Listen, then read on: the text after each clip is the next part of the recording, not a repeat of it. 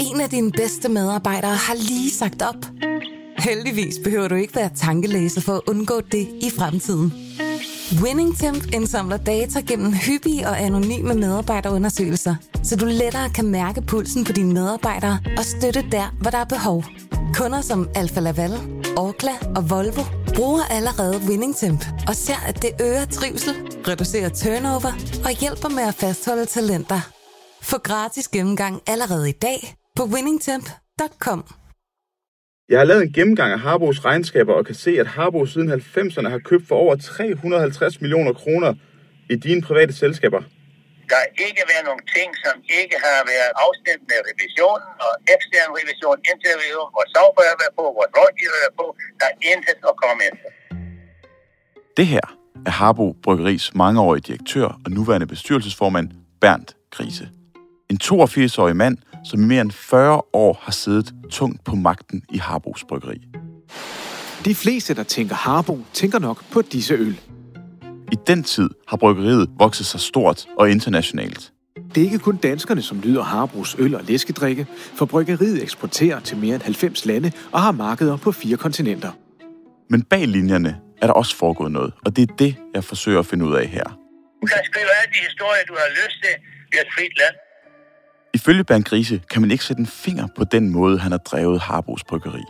Der er ikke nogen ting, vi har gjort, som ikke er i overensstemmelse med de normale regler. Sådan er det bare. Men vi har fået fat i materiale, der fortæller en helt anden historie. Det lyder jo som noget fra et uland, et eller andet korrupt nation i Afrika eller sådan noget. Altså, det, det er jo sådan nogle associationer, man får. Mit navn er Nikolaj Vore, Og jeg hedder Simon Bensen. og du lytter til Ølkongen, en podcastserie fra Berlingske. Andet afsnit hedder Pengesporet.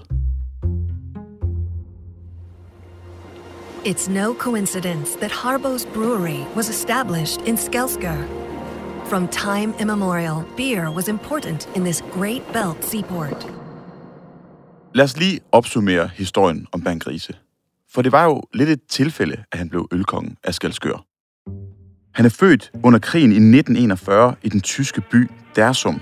Her voksede han op ude på landet under trangekår med mor, far og fire søskende, der alle sov i den samme seng. Huset, har han fortalt i et interview, blev varmet op af komfuret. Og børnene hjalp til på de omkringliggende gårde, hvor de gravede kartofler og tørv op.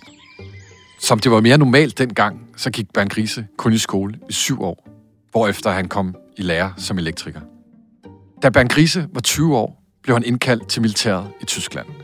Det havde han under ingen omstændigheder lyst til. Derfor så han ingen anden mulighed end at forlade landet. Han kom ombord på et skib, hvor han skulle hjælpe til i køkkenet og være elektrikerassistent. I alt sejlede han rundt i verden i fem år. Men i starten af 60'erne kom han til Danmark, hvor han fik arbejde på et raffinaderi uden for Skelskør. kommer blandt andet ud til, til os på et tidspunkt, hvor vi skal have et raffinaderi bygget op med en masse teknik, og der får han jo arbejdet sammen med andre tyskere. Og her ved et bal i Løsskoven mødte han Kirsten Harbo, datter af den daværende brygmester Gunnar Harbo. Og så møder han en Harbo datter, som han bliver forelsket i, og derfor gifter han sig ind i Harbo-familien. Siden deres første møde ved ballet i Skelskør har Kirsten Harbo og Bernd Grise været et par, og de blev gift i 1971. Og året efter tilbød den daværende brygmester Gunnar Harbo altså sin nye svigersøn et job på familiens bryggeri. Det var slet ikke meningen, at han ville have noget med bryggeriet at gøre. Det var jo svigerfar, der kørte det. Arbejdet på bryggeriet kom til at opsluge Bernd Grise fuldstændig, og han steg hastigt i graderne. Samtidig voksede familien. Bernd Grise og Kirsten Harbo blev forældre til tre døtre. Først Vibeke, så Karina og til sidst kom Pernille. De tre piger var efterhånden blevet teenager, da Bernd Grise efter svigerfarens død i 1986 satte sig i stolen som øverste direktør på Harbos Bryggeri. Tre år efter Bernd Grise overtager posten som direktør for Harbos Bryggeri, sker der noget skældsættende. I 1989 bliver Harbos noteret på børsen i København.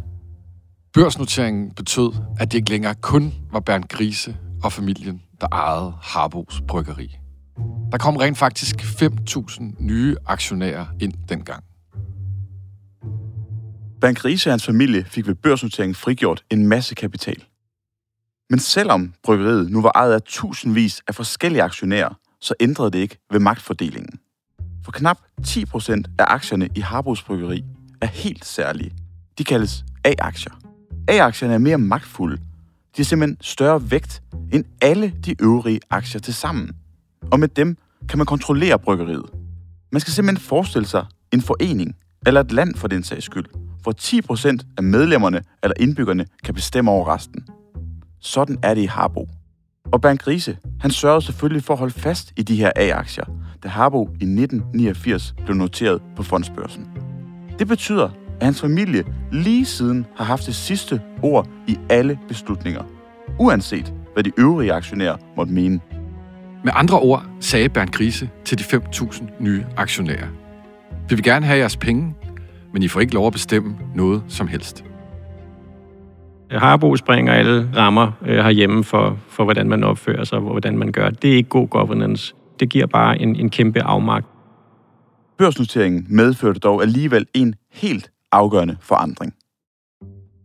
Selvom Bernd Grise fortsat sad tungt på magten i Harbos Bryggeri, så betød børsnoteringen, at alt, hvad han herfra gjorde som direktør i bryggeriet, skulle være i alle aktionærers interesse.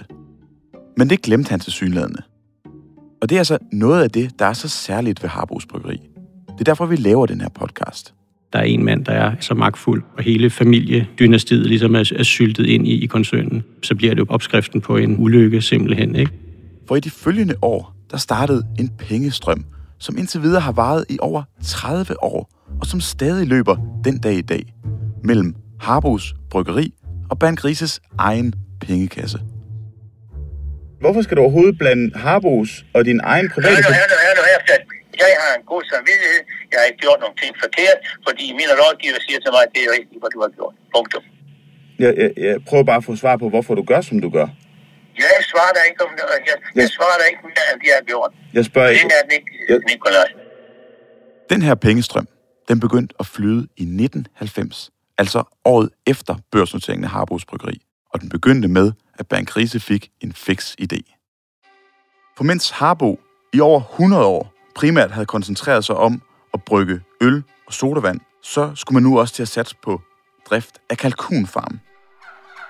Fidusen her var, at affaldsstofferne fra ølproduktionen kunne fungere som foder til kalkunerne.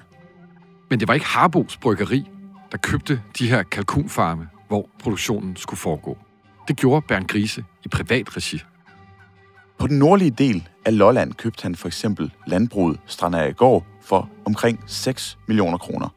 Og så blev der lavet en aftale om, at Harbo kunne lege sig ind hos sin egen direktør for næsten 2 millioner kroner om året. Lignende aftaler blev oprettet på mindst fem andre landbrug, som Bankrise ejede i privat regi. Og sådan gik det til, at Harbos Bryggeri kom til at betale Bankrise over 100 millioner kroner for at lege sig ind på hans gårde. Jeg har spurgt Bernd hvorfor han valgte at gøre det på den måde. Jeg kan jo se helt tilbage fra den gang, hvor Harbo begyndte med kalkunerne. Der lejede Harbo sig ind i bygninger, som du ejede. Hvorfor skulle din privatøkonomi blandes sammen med Harbos pengekasse? Det er jo der hele sammenblandingen begynder. Ja, men altså, så må aktionærerne jo komme til mig og sige til mig sådan og sådan og sådan. Hvorfor, hvorfor skal det gå igennem dig? Hvis der er nogen, der er utilfredse med os, så må de da bare henvende sig. Men nu, nu henvender jeg mig jo til dig. Og jeg, og, Jamen, øh, du er ikke vores aktionær. Du er en mand, som vil sælge nogle aviser, og dem kan du sælge, hvis du lave sådan nogle historier. men er det fordi, du har noget at skjule, at du ikke vil fortælle det?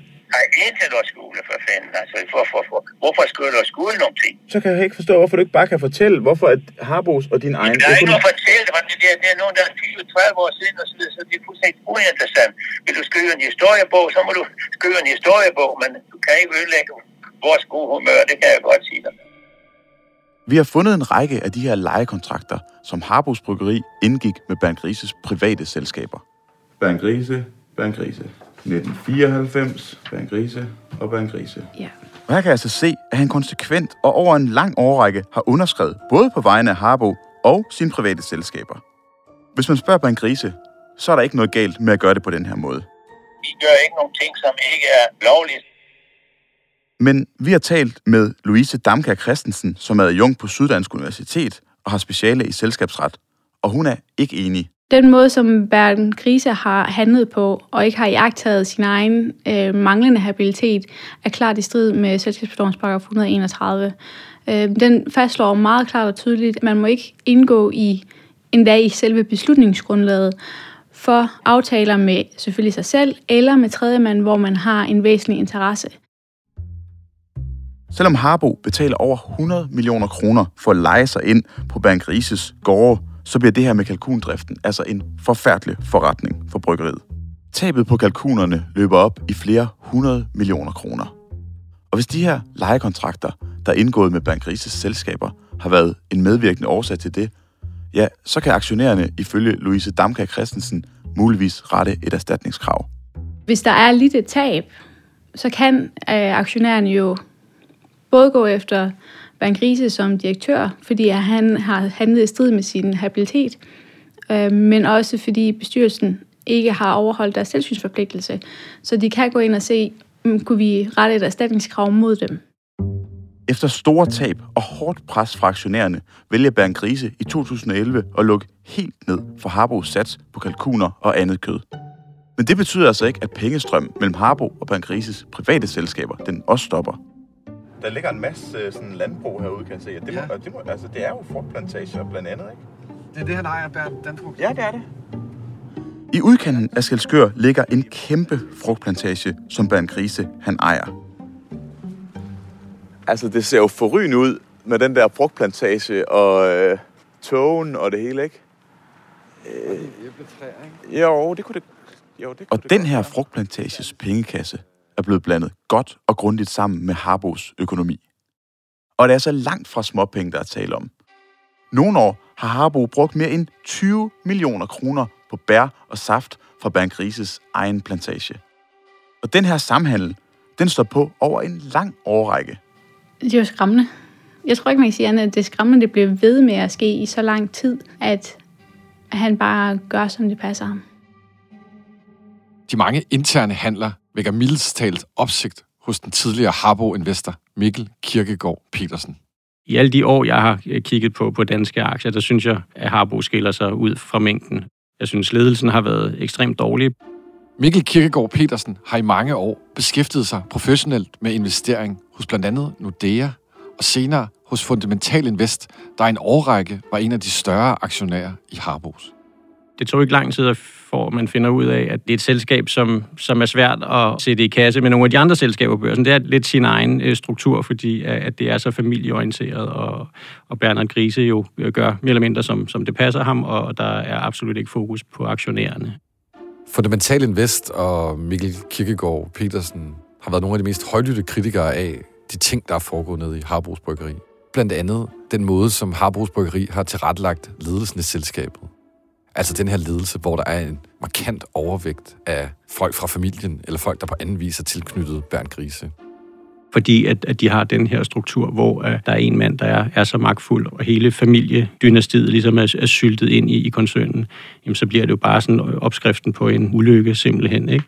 Det er jo utilstedeligt, og det burde jo ikke kunne lade sig gøre, og man sidder jo som tilskuer til det her med en eller anden form for afmagt, og siger, det kan jo ikke være, være rigtigt, at man i, i Danmark, altså det lyder jo som noget fra et uland, et eller andet korrupt øh, nation i Afrika eller sådan noget. Altså det, det er jo sådan nogle associationer, man får.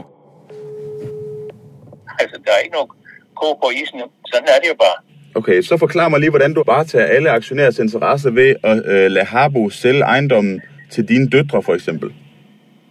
Ja, Harbo skal til dine døtre. Hvad mener du med det? Det, jeg taler med Bernd Grise om her, det handler hverken om kalkuner eller saft. Det handler om noget så håndfast som mursten.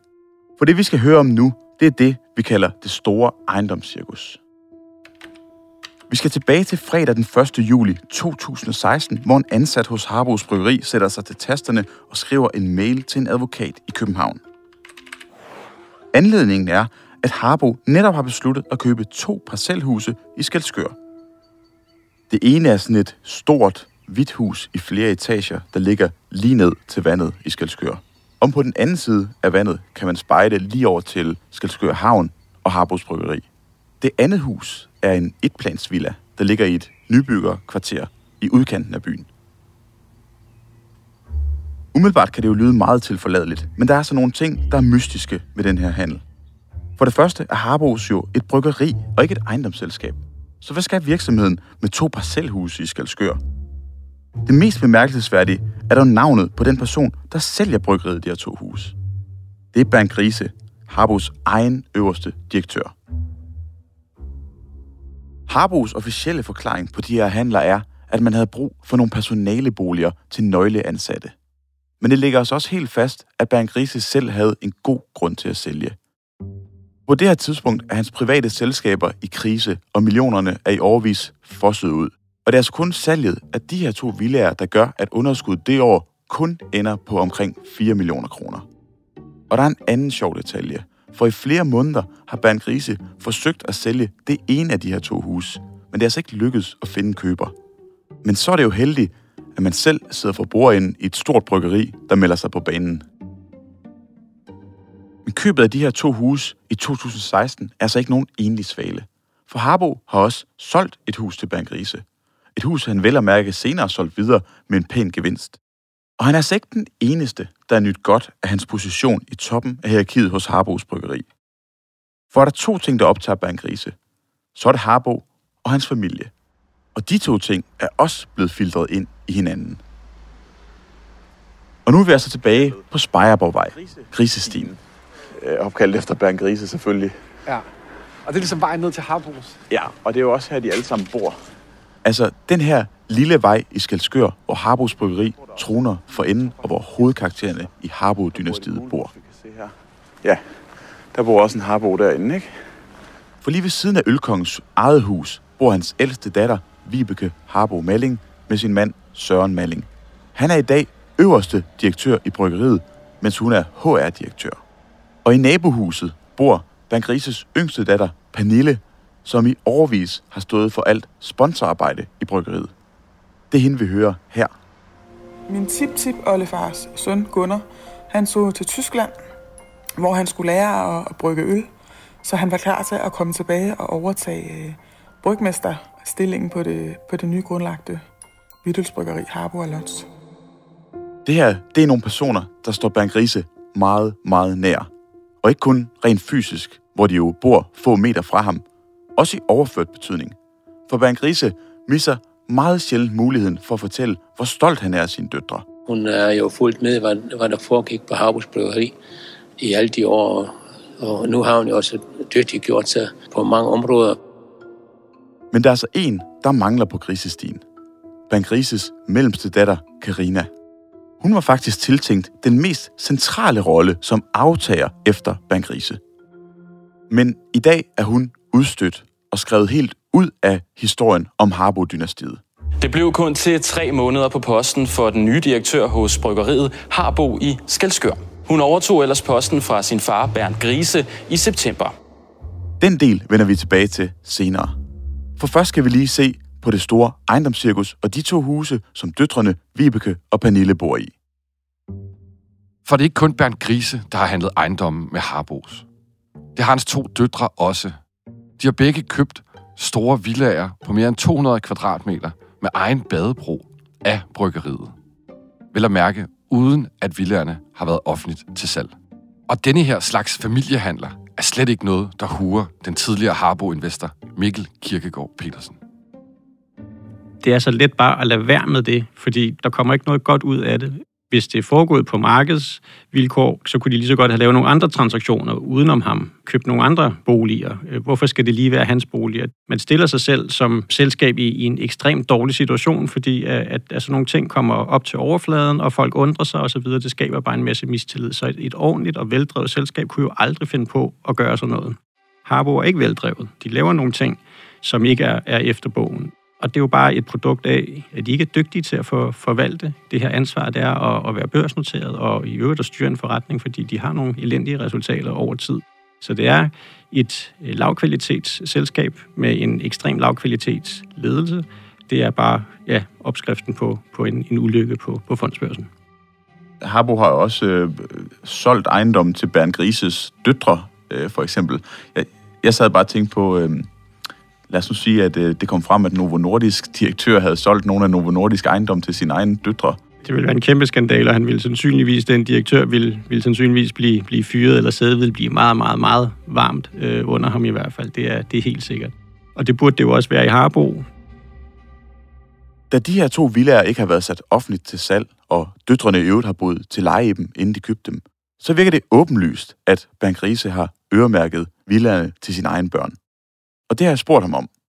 Men du ved godt, at både Vibeke og Pernille har købt ejendom af Harbo i sin tid.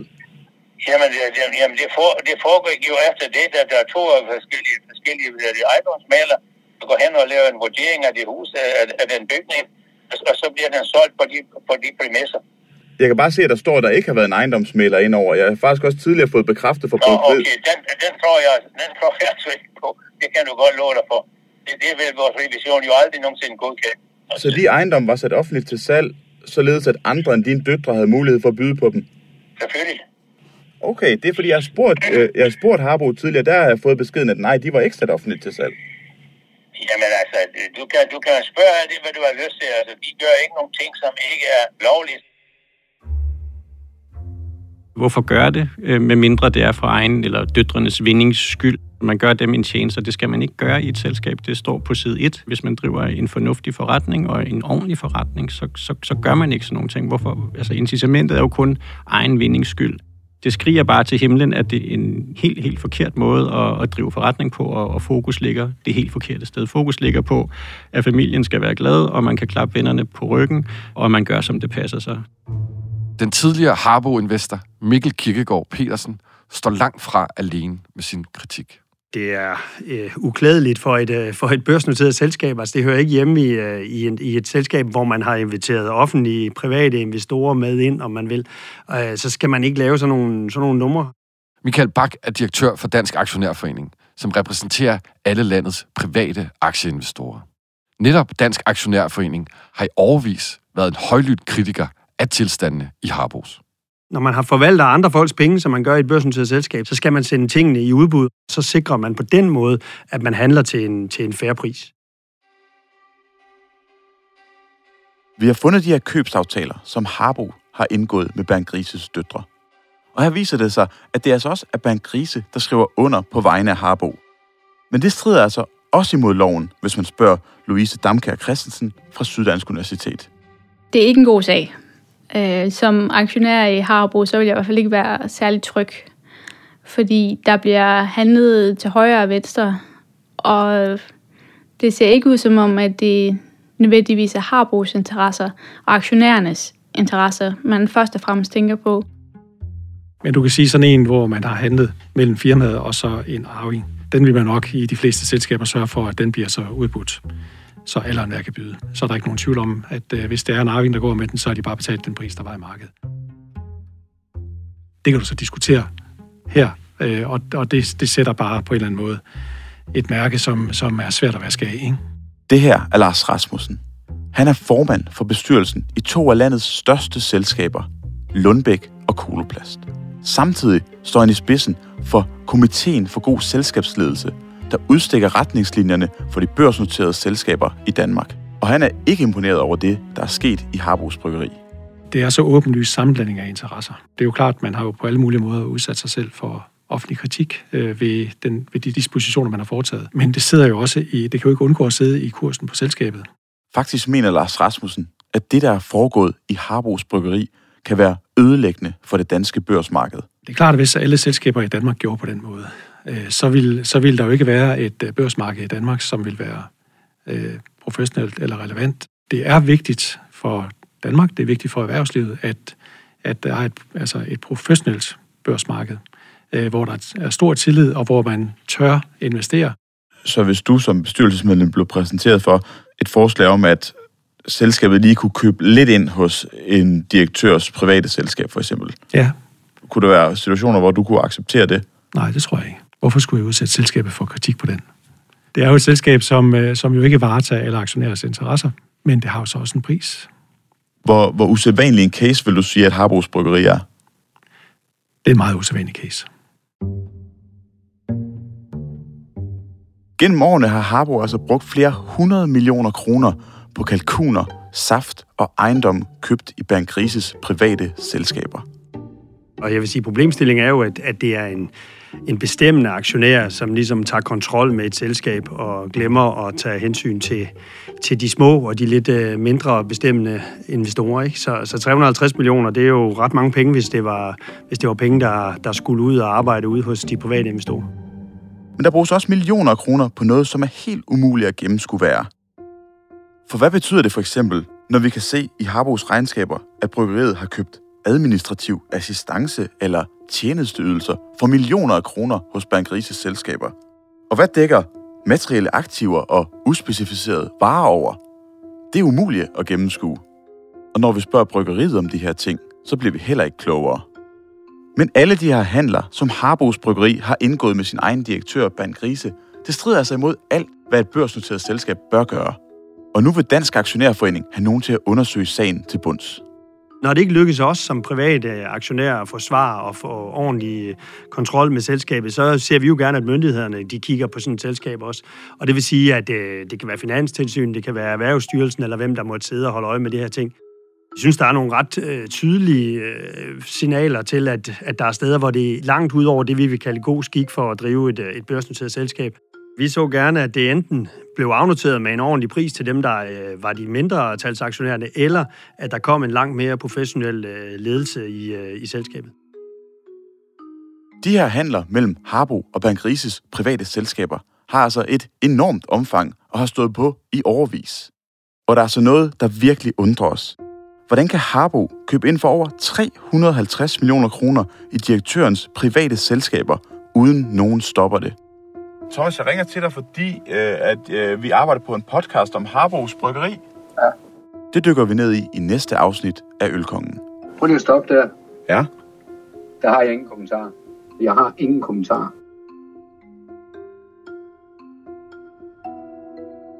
Vi har forelagt den kritik og de anklager, der bliver fremført i den her podcast for Harbos Bryggeri og Bandkrise.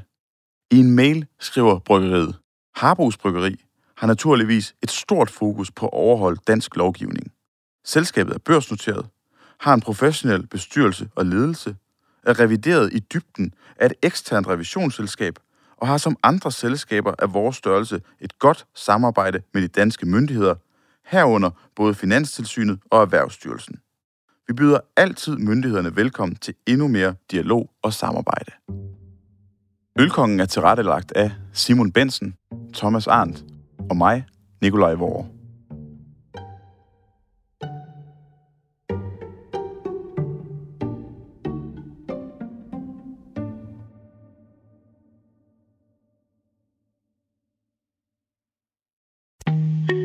En af dine bedste medarbejdere har lige sagt op. Heldigvis behøver du ikke være tankelæser for at undgå det i fremtiden.